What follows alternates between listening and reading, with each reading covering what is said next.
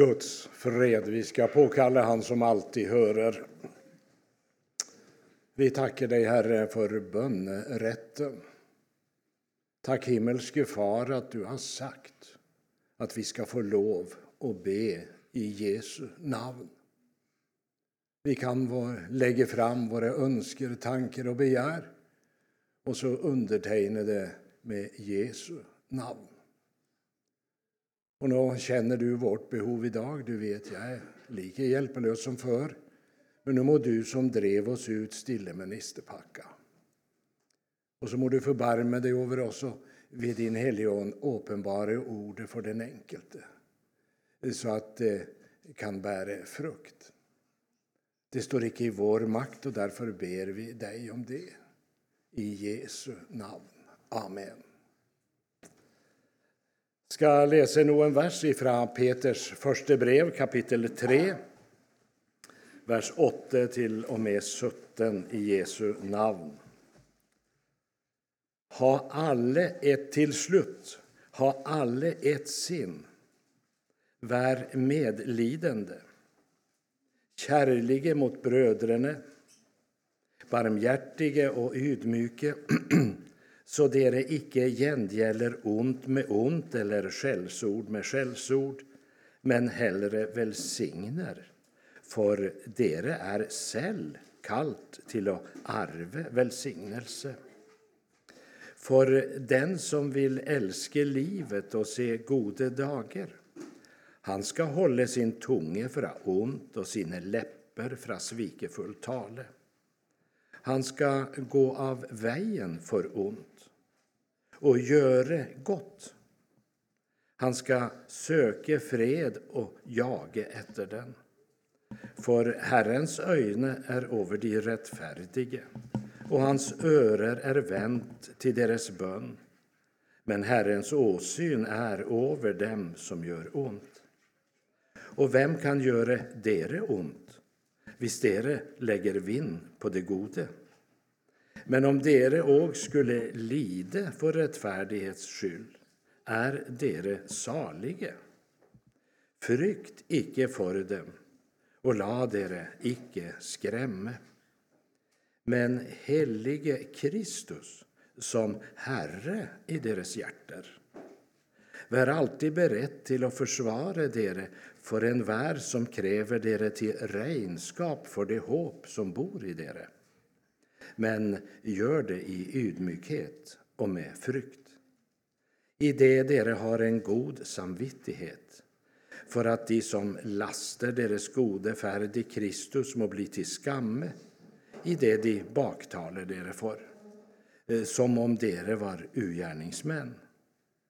Eh, för det är bedre, om så är Guds vilje och lide när en gör gott än när en gör ont. Amen. Eh, som en överskrift över det här avsnittet i Peters första brev kapitel 3 så har jag sagt för den som vill älska livet eller konsten att leva. Och så en titel till, och det är den som Norsk Bibels översättelse har över detta avsnitt, nämligen att göra det gode, står det. Eh, göre, det har ingenting med gärningslära eller loviskhet att göra. Men alltså, han snackar om en levande tro som bärer frukt. En kunskap som får en konkret praktisk konsekvens i våra liv. Det är alltså inte bara något vi går runt och håller för sant och bekänner, men det får andra något det bär frukt. Aposteln Paulus förkynnelse är präget av samma tankegång när han säger Mine brödre, slik döde också dere bort från loven vid Kristi legeme, för att dere ska tillhöra en annan, han som blev rejst upp från de döde, så vi kan bära frukt för Gud. Han säger på grund av det faktum att någon har försonat absolut all din synd och skyld och så är uppstått Och i kraft av hans uppståndelse så kan vi bära frukt för Gud. Och som jag sa, det har inte något med ansträngelse att göra, krav eller sträv. Alltså, det är det kall vi synger om i sangen. Det är navnet ditt jag ropar. Vill du följa mig? Vill du gå i mina fotspår på en ukänt väg? Vill du trossa angst och oro? Vill du följa mig?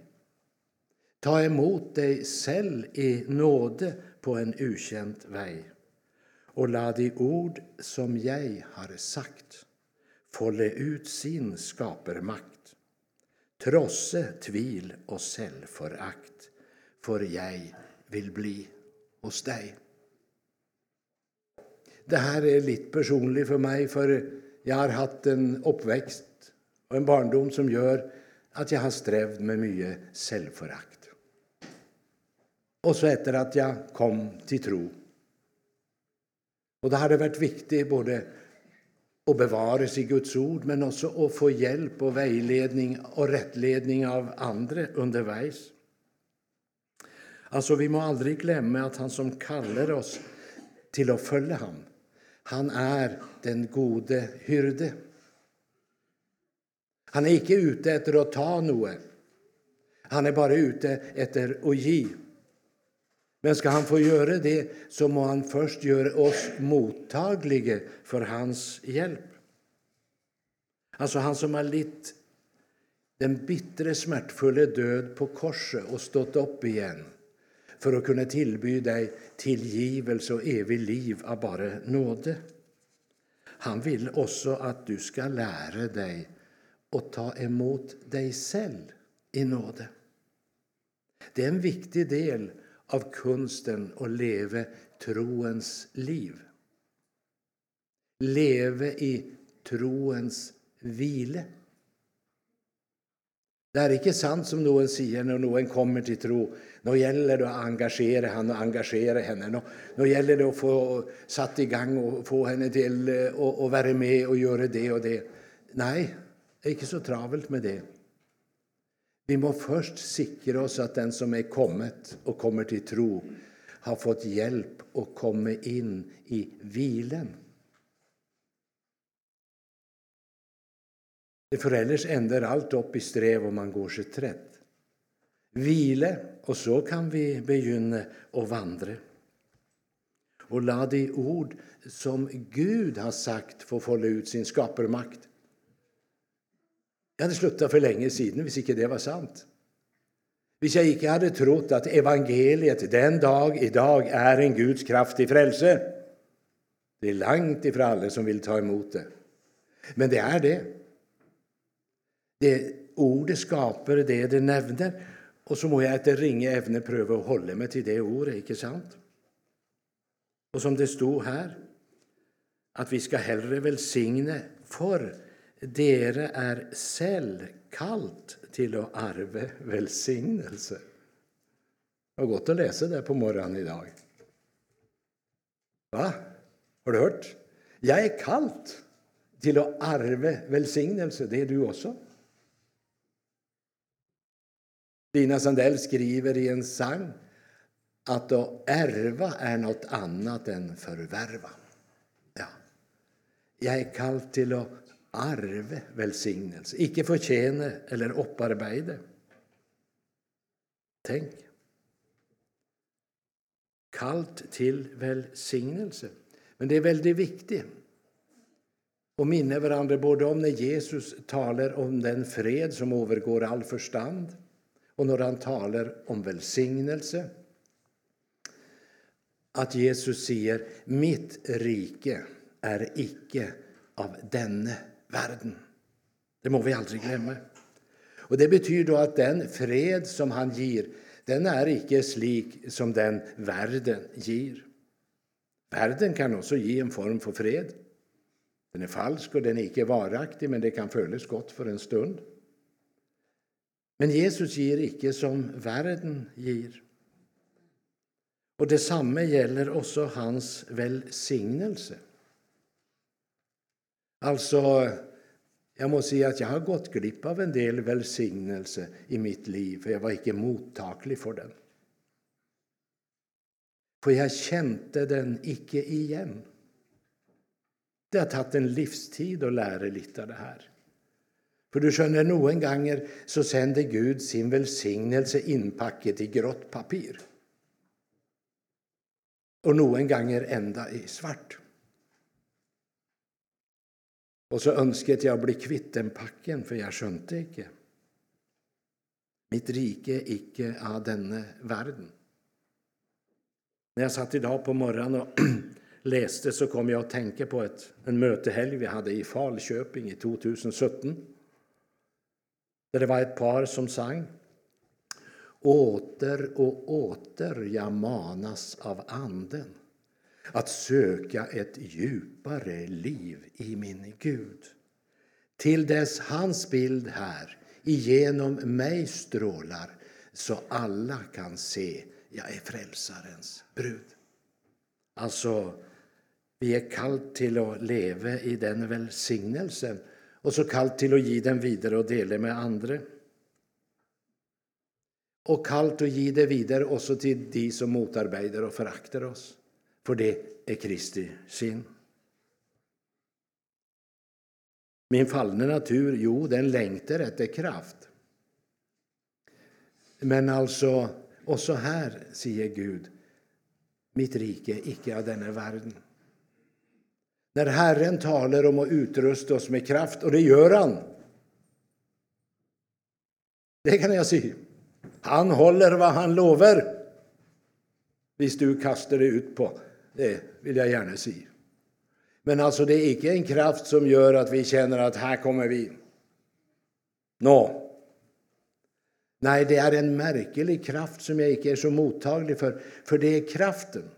Att när någon slår mig på den ena kinden så får jag inte lust till att ta igen. Men säger Jesus, eh, må du tillge han det han har gjort mot mig. Må du aldrig tillräkna den och den personen det han sa om mig. Helige Kristus som Herre i ditt hjärta. Jo, han vill vara min frälsare och det tackar jag för. Men alltså, han vill ju också vara herre över mitt hjärta. Han är ju inte bara en som ska hjälpa mig det jag menar att jag vill och tränger. Det handlar egentligen om konsten att leva. Vad ska jag säga? Konsten att ta vara på sig själv. Och då snackar vi inte om egoism eller vårt cellliv eller ta vara på vår gamla natur, för den ska korsfästes. Det är väl det som är lite av kampen i troslivet. Ja, för att jag korsfäste mitt celliv och mitt kött igår så betyder det icke att jag också må korsfästa det idag. Kampen tar aldrig slut så länge jag vandrar här nere. Men jag ska ta vare på mig själv. Och av och till så är tro faktiskt ett spörsmål om lydighet.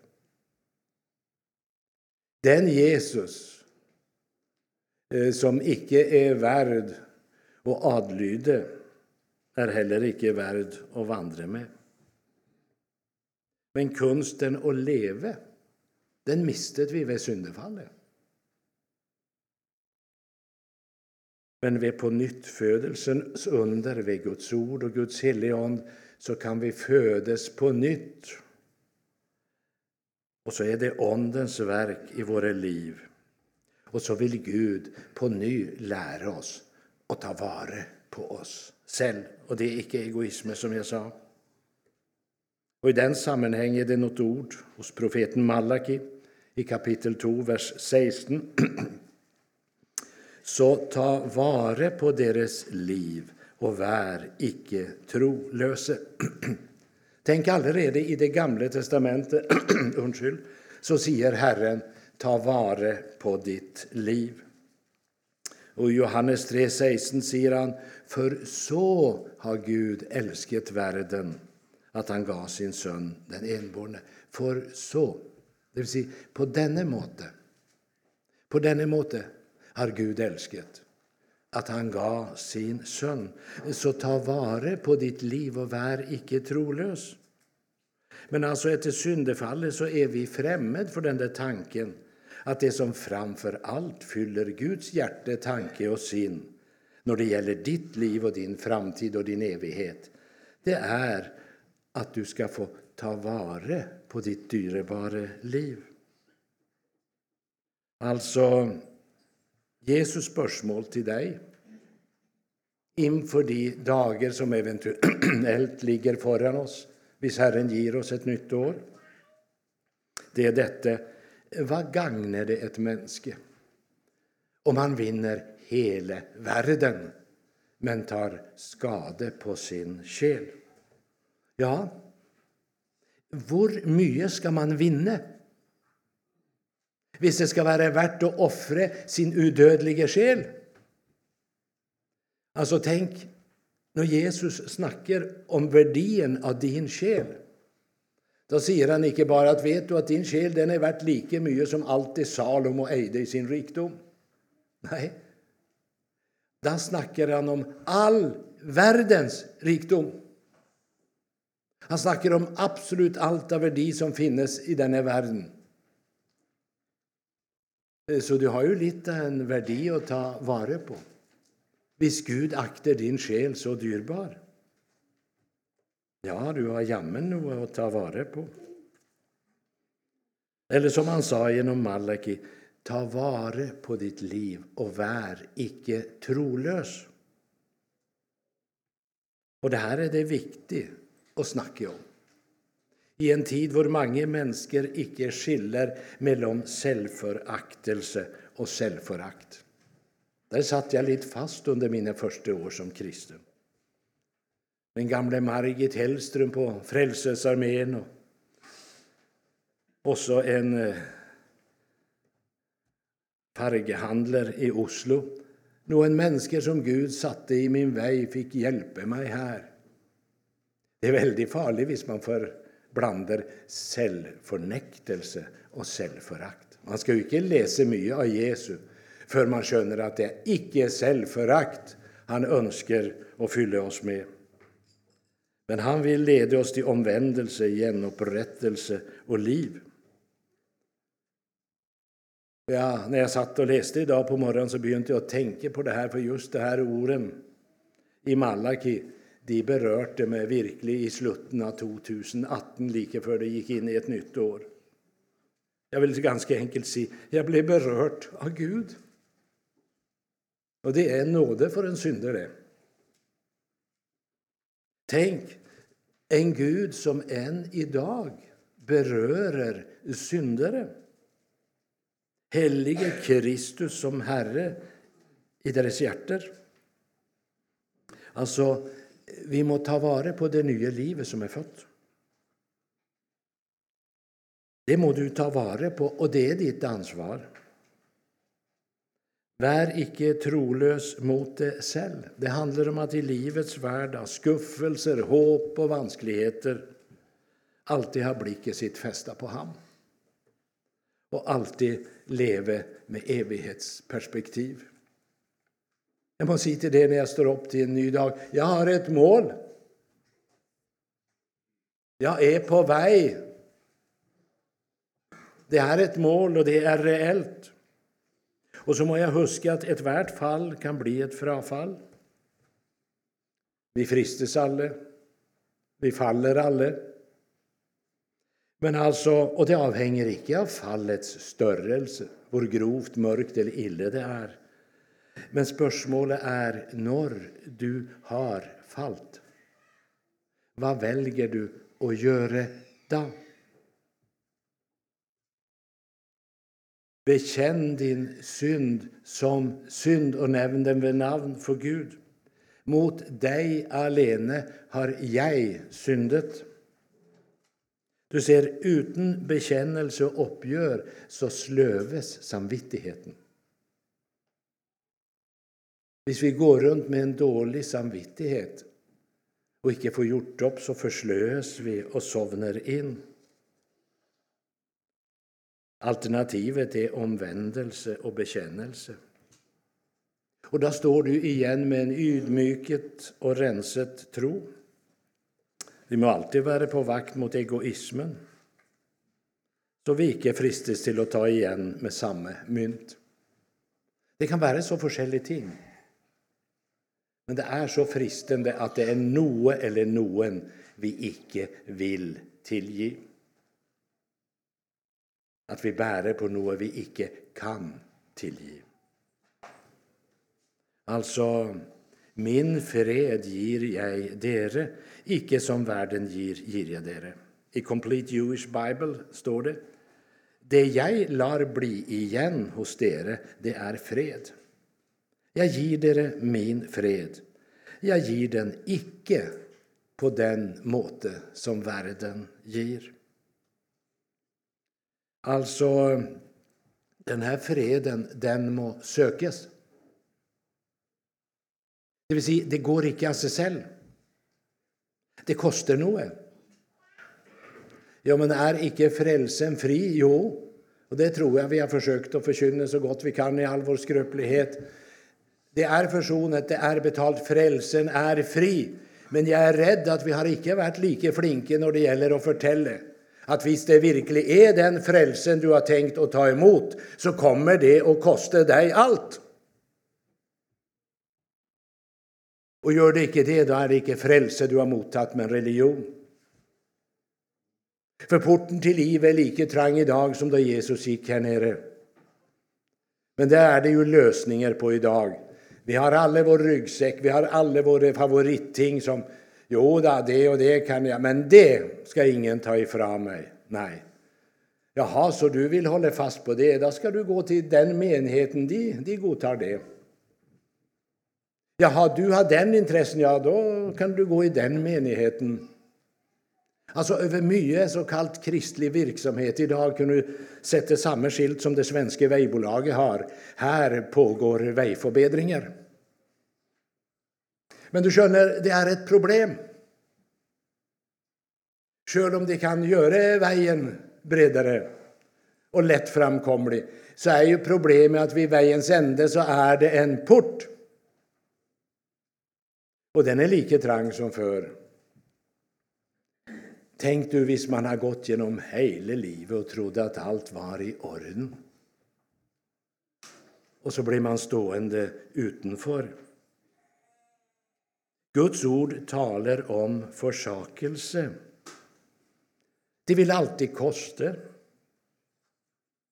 Det är ett spörsmål. Vad säger Herren? For den som vill älska livet och se gode dager, ska hålla sin tunge fra ont. Han ska gå av vägen för ont och göra gott, söka fred och jaga efter den. Alltså, den som elsker livet. Sjelefienden har mange tilbud. En kort tid etter ja, det var mot slutten av min toårige dom så fikk jeg høre evangeliet, og en ny verden åpnet seg. Kollegaen min som ble dømt samtidig, fikk også høre evangeliet. Och du skjønner, Det merkelige var at jeg hadde vanskelig for å tro det. For jeg, jeg ville ikke tro at det fantes en Gud. Jeg skal ikke si at jeg kunne ikke tro det fantes en Gud. Det var ikke sant, for jeg ante det nok. Men jeg ville ikke tro, for hvis det fantes en Gud, var det jo en hel del ting som måtte forandres i mitt liv. Kamraten min han trodde det fantes en Gud. Han trodde det var nødvendig å bli frelst, og han skulle bli frelst før han døde. Men först skulle han ut och leva livet. Ja. Och så jag som icke kunde tro det här, då efter en tid så gick det upp för mig att graven var icke det sista. Det är bara inkörsporten till evighetens världen. Och så såg jag att jag var fortapt. Och så mötte jag ham som sa, jag är kommet för att uppsöka och frelse det som är fortapt.' Det är mig! Ja. Och så fick jag del i livet. Min kollega valgte att leva livet. Høres det inte fint ut? Men det är falsk reklam där. För om du läste det finstilte på den förpackningen så står det faktiskt vad det betyder att leva livet i denna världen. Det betyder att gå mot död och grav utan Gud och utan hopp. Ja. Han gick in och ut av lite olika anstalter och när han var 50 år tog han sitt liv. Kommer aldrig över det. Han var ingenting värre än mig, men han valde fel. Han gick glipp av vad det egentligen handlade om. Alltså, jag får tillgivelse för min synd, men jag måste också lära mig själv att tillge de som på olika måter förbryter sig mig, mot mig. för det är bara vid själv och tillge du kan bli fri. Alltså det viktiga är icke, och det allvarliga är icke hur mycket ont andra människor gör mot dig. Det enaste som är farligt är hvis de får göra dig ond. Alltså, vem kan göra dere ont hvis dere lägger vind på det gode, säger Guds ord. Det betyder icke att evangeliet och Gud är en skyddsparaply mot allt ont i denna världen eller allt som kan möta oss. Nej, han går så långt att han säger att vi är saliga när vi lider för rättfärdighetens skull. Vem kan göra det ont? Du ser, det onde, det är allt det som kan föra dig bort från Kristus. Även om det skulle föras aldrig så gott. Alltså föra dig bort från den eneste som kan frälsa. Tänk om Judas hade kommit. Hade han blivit frälst? Men själefienden fick inbilt han att det är så förfärligt det har gjort att du kan icke gå till Jesus mer. Ja, och det säger han till många kämpande själar idag. Du inbillar dig väl icke att du kan komma en gång till? Du inbillar dig väl icke sånt som du är, att du kan komma? Om han säger det till dig, då ska du säga du har fel. Är det någon som tränger att komma så är det mig. Om inte jag kommer så är det inte något hopp för mig. För det som var omöjligt för loven på grund av min skröpliga natur, det gjorde Gud. Alltså vi må uppdaga att Guds domsord det har icke som mål att knäcka oss, men att leda oss till omvändelse. Se, se, se och lev. Det är liv i att se på det Golgata kors. Ja, just nu är det liv och för dig. Alltså Guds budskap är fyllt av hopp, kärlighet, fred och förlösning. Må vårt kompass och rättesnor vara vad säger Guds ord. Icke vad följer jag? Vad tänker jag nå? Vad tror jag nå? Men vad säger Guds ord? Jag är kommit för att uppsöka och frälsa det som var förtapt. Är det någon som har bruk för det idag? Guds ord säger att han gör alla ting nya. Men det är visst ingenting som blir nytt i den frälse som förkynnes idag. Och visst man har ett slikt gudsbild, då är själva fundamentet för troens liv ödelagt. Och då är vi inte längre i stand till att ta vara på vårt liv. Du vet, när vi blir född så får vi en ny natur. Men efter ett år som kristen lurte jag på om jag hade fått den naturen. Jag syntes jag såg så lite till den. För allt var ju nytt. Jag hade ju icke kunskap. Jag, jag, jag var ju blank, icke sant? Så jag var ju icke klar över att själv om jag hade fått en ny natur så hade jag fortsatt den gamla kvar också. Att det var två naturer som levde sida om sida här. Ja. Precis som mannen ute i Indien som fick höra evangeliet och gick så glad hem, den gamle mannen, att han hoppade längs vägen. Och en par veckor på efter besökte missionären han ute i hans landsby och sa då såg det ut som all världens plager hade rammat han och så sa han, åssen är det? Det är helt förfärligt, sa han. Ja, sa han, åssen då? Ja, sa han, det är som det är två hundar inne i mig som slåss, sa han. Åh, sa han, och vem vinner då? Då lyste ansiktet upp och så sa han, den jag ger mest mat. Ja. Min vän, pass dig så du icke undernärer ditt åndeliga liv. Och så skyller dina nederlag på att du har en så skröplig natur och säger vi är ju alla syndare. Ja, vi är det, men vi är inte kallt till att leva i synd. Se till, när, du, när någon duckar upp och tänker visst jag väljer det här, vilken natur är det som får näring? Alltså, jag ska sätta mig ner och läsa. Är det något i mig som verkligen vill? För jag vet det här är Guds ord och här har jag funnit livet. Och så är det något i mig som icke vill. Ja, men det där har du ju läst för. Det där kan du ju. Eh, egentligen, du skulle ha gjort det och det först. Och så, och så, du borde ringa det samt, du borde skriva det brevet, du, du borde... Ja, och då gäller det att lytta till rätt stämme. Visst, jag bara läste när jag hade lust, då hade jag inte varit bevart idag, det kan jag bara säga. Och av och till säger själefienden, detta är lovträldom, nu läser du bara för att läsa. Ja, säger jag, är det icke tragiskt?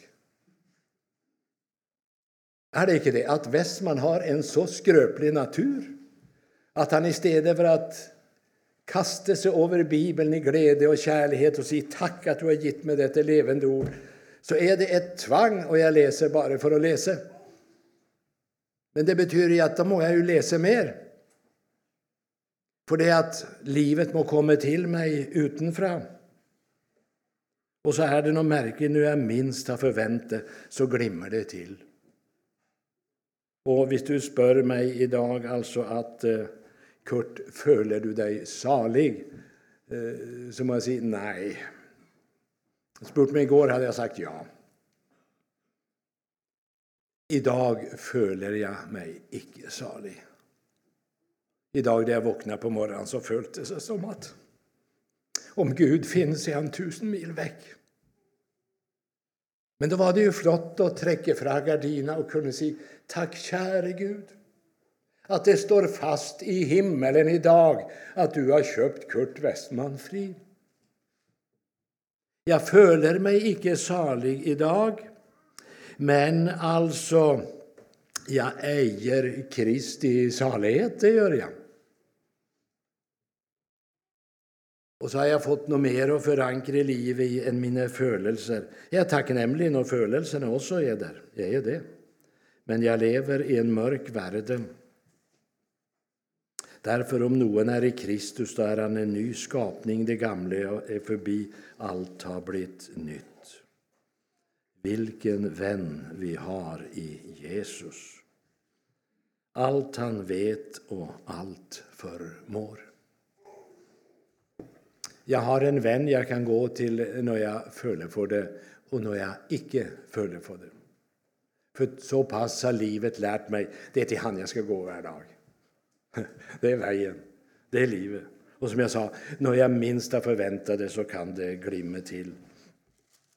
Jag ska slå fram Johannes första brev, kapitel 1. Jag läser vers 2 och 3.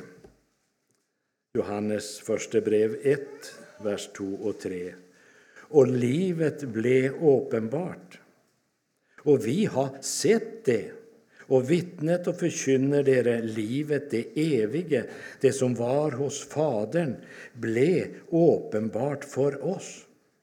Det som vi har sett och hört, det förkynner vi för dere, för att också dere kan ha samfund med oss. Och vårt samfund är med Fadern och med hans son Jesus Kristus. Vi har sett det och vi vittnar. Det är icke andrahandsinformation. Alltså att vara frälst och vara en del av troens, vad ska säga, troens fällskap. Det må aldrig bli som att vara i en vad ska jag säga, planteskoletillvärelse. hvor vi lever ett kunstigt, unaturligt och beskyttet liv. Som är så helt beskyttat från världen, den världen vilken Kristus har kallat oss och vittne för. Med det så har jag icke sagt att en späd liten plante icke skulle ha livets rätt, för det har den. Det har den. Ser heller icke att det skulle vara fel med pleje och omsorg i den första tid till att växa till under trygga kår. Men alltså troens fällskap må icke bli ett så avgränsat miljö hvor vi alla är eniga och aldrig reflekterar så att vi närmast blir bedövade i vår andliga välfärd. Efter några år som pastor så blev allt så teoretiskt. Jag mötte ju bara kristna. Gick bara i kristen sammanhang. Mötte aldrig motstånd. Nej. Och, och det blev så uvirkligt för mig så jag måste ta permission och svejsa ett år. Och det var nödvändigt. Jag måste stå upp en timme före jag gick till jobb för att be, för att komma igenom dagen. Ja. Det var ett nyttigt avbräck, för Jesus blev virkelig för mig i livets verklighet. Alltså, vi må icke bli bedövade. Vi må veta varför vi är plassert här. Och vi ska alltid ha vårt blick rätta mot allt som är sant, allt som är ärevärd, allt som är rättfärdigt, allt som är värd att älska, allt som folk talar väl om, allt som duger och är ros värd, skriver Paulus. Det går på personligheten och det inre livet. Det är en svensk psalm jag älskar. Det är sån kraft i den. Den är väldig, alltså. Jesus från Nasaret går här fram. En som i gången tid löser ur vanmakt, ur synd och skam skänker sin kraft och frid. Himmelriket är nära. Hör, fattiga ger han sin rikedom läker det slagnas sår. Den som var bunden, trött och tom frihet och glädje får. Himmelriket är nära. Alltså, den är ju också översatt, den finns på norska men jag syns den är bättre på svenska. Du kan läsa bägge och se vad du menar. Men jag syns det är något friskt över det här. Så kom hit, var törstig själ och drick av livets vann. Du länge nog har druckit där vår törsten ej sluckes kan. Jag vet om ett sted var törsten blir sluckt, det vill jag gärna se. Det finns en plats som kan täcka vårt livs djupaste behov. Så kom till kilden, min vän. Herren inbyr dig. Kom med allt som är gott i stå. Kom och få en ny start. Kom och bli genupprättet i kraften av Lammets blod. Vi tackar dig, Herre, för din fullbrakte seger som du proklamerte från din tomme grav. Din seger över Satan, dynd, synd och helvete. Tackat för den som tar sin tillflykt till Kristus så är förtapelsen stängt. Den är locket. Och för den som tar sin tillflykt i Kristus är porten till himmelen öppen. Så ber jag, Herre, att nå en törstande, kämpande själ idag skulle få nåde och komma till kilden. Amen.